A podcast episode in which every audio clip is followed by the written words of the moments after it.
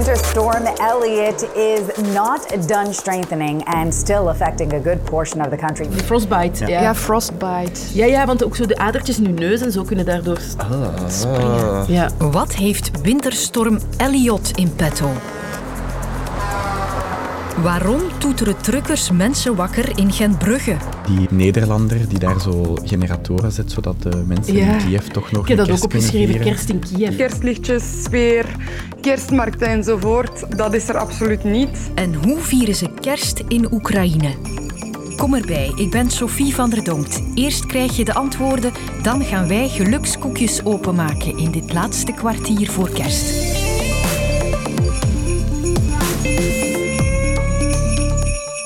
Straks eentje een open doen, hè. Maar wat Ah, is ja. dat? Maar dat zijn fortune cookies, hè. Gelukskoekjes. Het is de romantiek van een witte kerst ver voorbij wat ze nu in de Verenigde Staten meemaken. Want Elliot heeft een fout cadeau meegebracht. De Amerikanen gaan de koudste kerst in decennia tegemoet.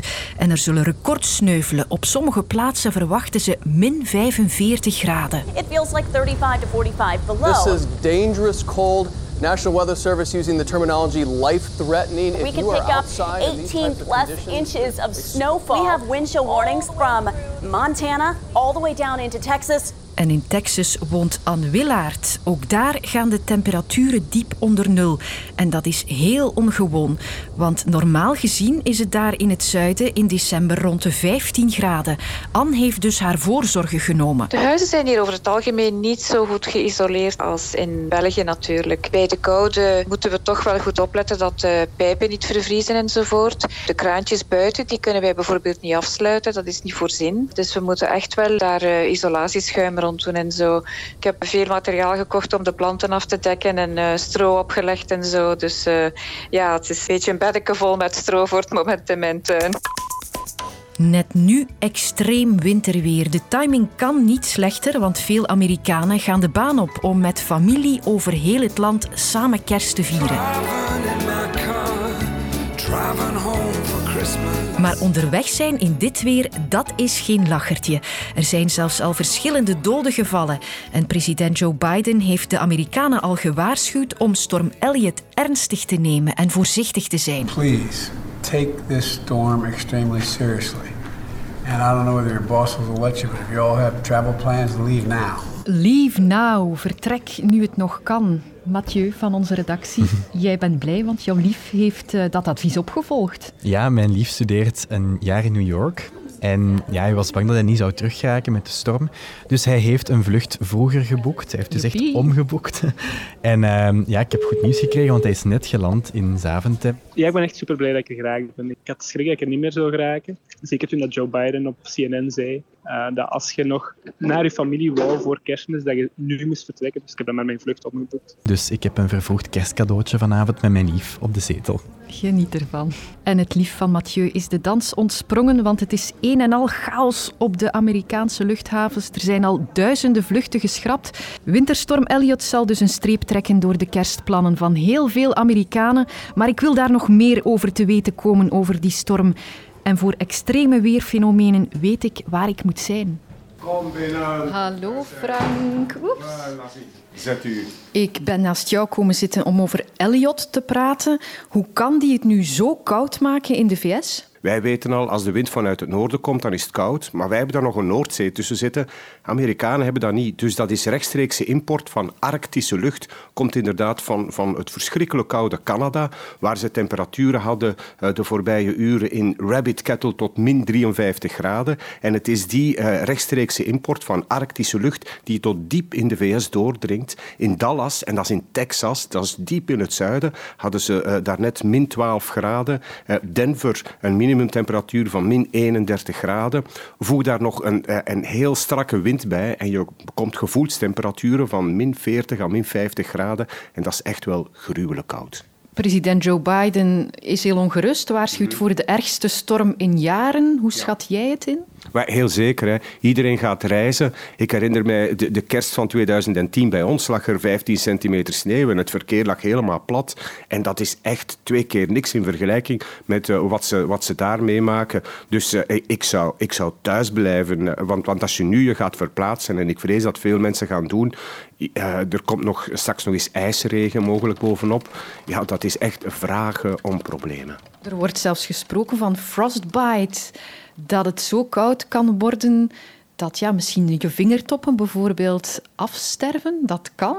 Dat, dat kan heel zeker. Hè. Binnen een paar minuten uh, de combinatie van die grote kou en vooral de, de ijskoude wind. Uh, binnen een paar minuten, als je niet beschermd hebt, ja, dan, dan begint alles te, te bevriezen. In die regio's, als je water naar omhoog gooit, dan, dan klettert het als ijs naar beneden. Nu, ik heb even gekeken naar de weerkaarten. Het zou in het noordoosten van de Verenigde Staten wel een aantal dagen blijven duren. Maar voor de volgende dagen in bijvoorbeeld Dallas zouden ze toch wel duidelijk boven nul komen. Dus ja, daar blijft dus die, die die fameuze winterstorm met die mooie naam, zou die toch niet te lang blijven duren. Maar voor de eerstvolgende 24 uur is het echt nog stay at home, folks, zou ik echt wel zeggen. Als ze je tot in de VS horen, dan is het duidelijk, hè Frank? Guys, listen to Frank.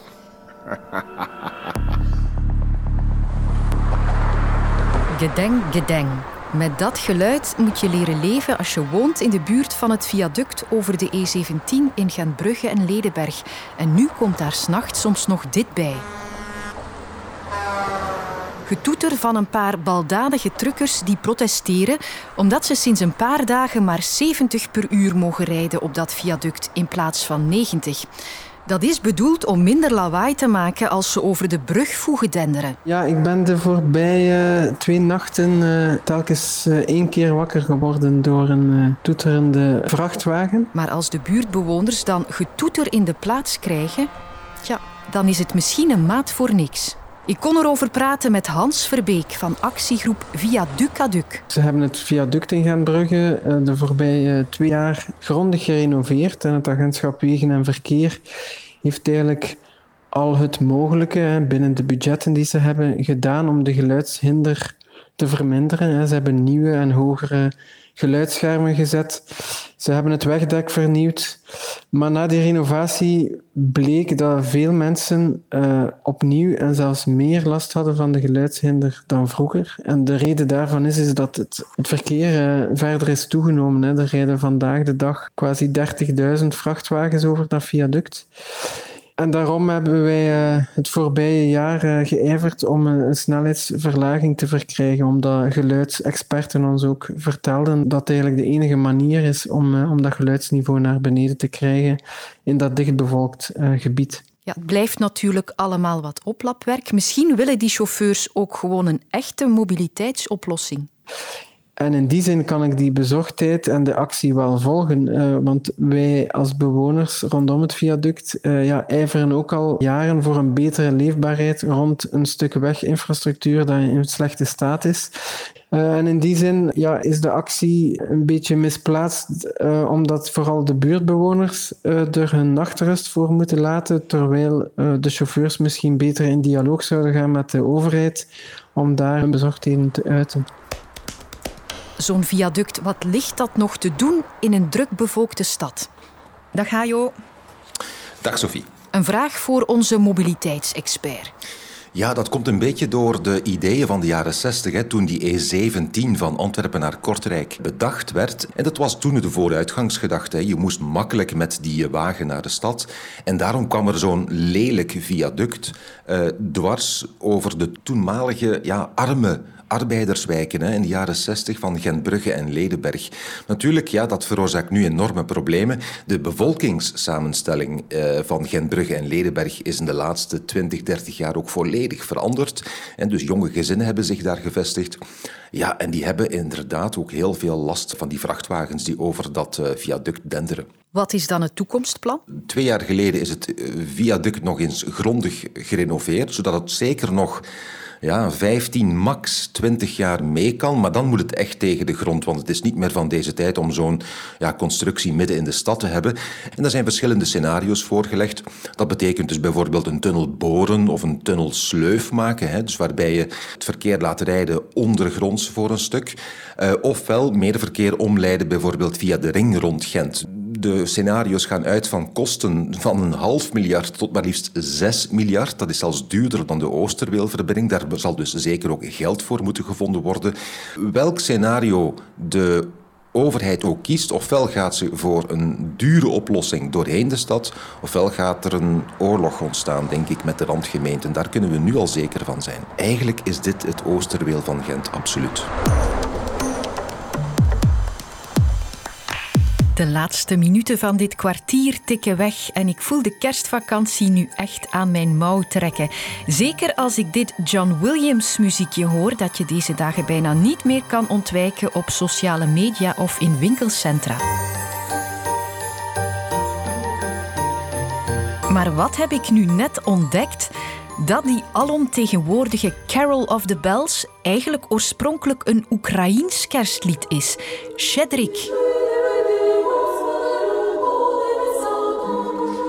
Oekraïne en kerstmis in één zin, dat klinkt wrang in deze tijd van oorlog. Want de eindejaarsfeesten vieren als je nauwelijks elektriciteit hebt, als een deel van je familie aan het front zit of gevlucht is en als elk moment het luchtalarm kan afgaan, ik wil mij dat zelfs niet voorstellen. Een Nederlandse VZW leverde alvast een ronkende generator voor een verlichte kerstboom op het Sofiaplein in Kiev. Wel iets kleiner dan vorig jaar, ja, zo is het. En ook hier mogen we weer trots op zijn. Ялинка, в принципі, це невеличкий шматочок радості для наших людей, навіть такі смутні темні часи. Een stukje geluk in donkere tijden noemen deze Oekraïners de kerstboom. Hoeveel geluk is er daar nog te vinden in het donker?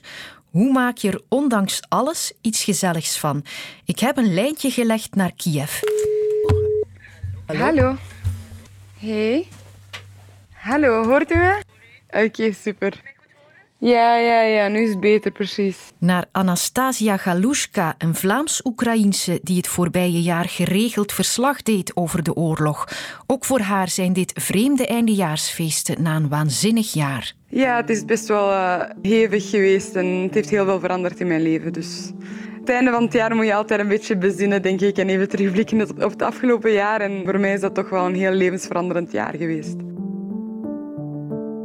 Als we het hebben over puur banale zaken zoals kerstlichtjes, sfeer, kerstmarkten enzovoort, dat is er absoluut niet. Wat enorm deprimerend is ook, omdat het hier om vier uur piekdonker wordt en het wordt pas licht tegen 7, 8 uur ochtends. Dat speelt op het gemoed. En los daarvan, sfeer, uiteraard zijn er heel veel mensen, bijna iedereen, die oftewel familieleden aan het front hebben zitten, oftewel familieleden op geoccupeerde gebieden hebben zitten. Daarvoor is natuurlijk de kerstsfeer Goh, moeilijk te vinden, omdat heel veel mensen zich nog wel bewust zijn van de pijn eigenlijk die het land momenteel aan het meemaken is, die ze allemaal aan het meemaken zijn. Hoe ik het ook tussen mijn vrienden zie, is het eigenlijk dat we een, een stil, uh, rustig kerstfeest samen thuis doen. En toch een beetje de traditie te onderhouden. Een vyshevanka aan te doen. Een vyshevanka is een typisch Oekraïens geborduurd hemd.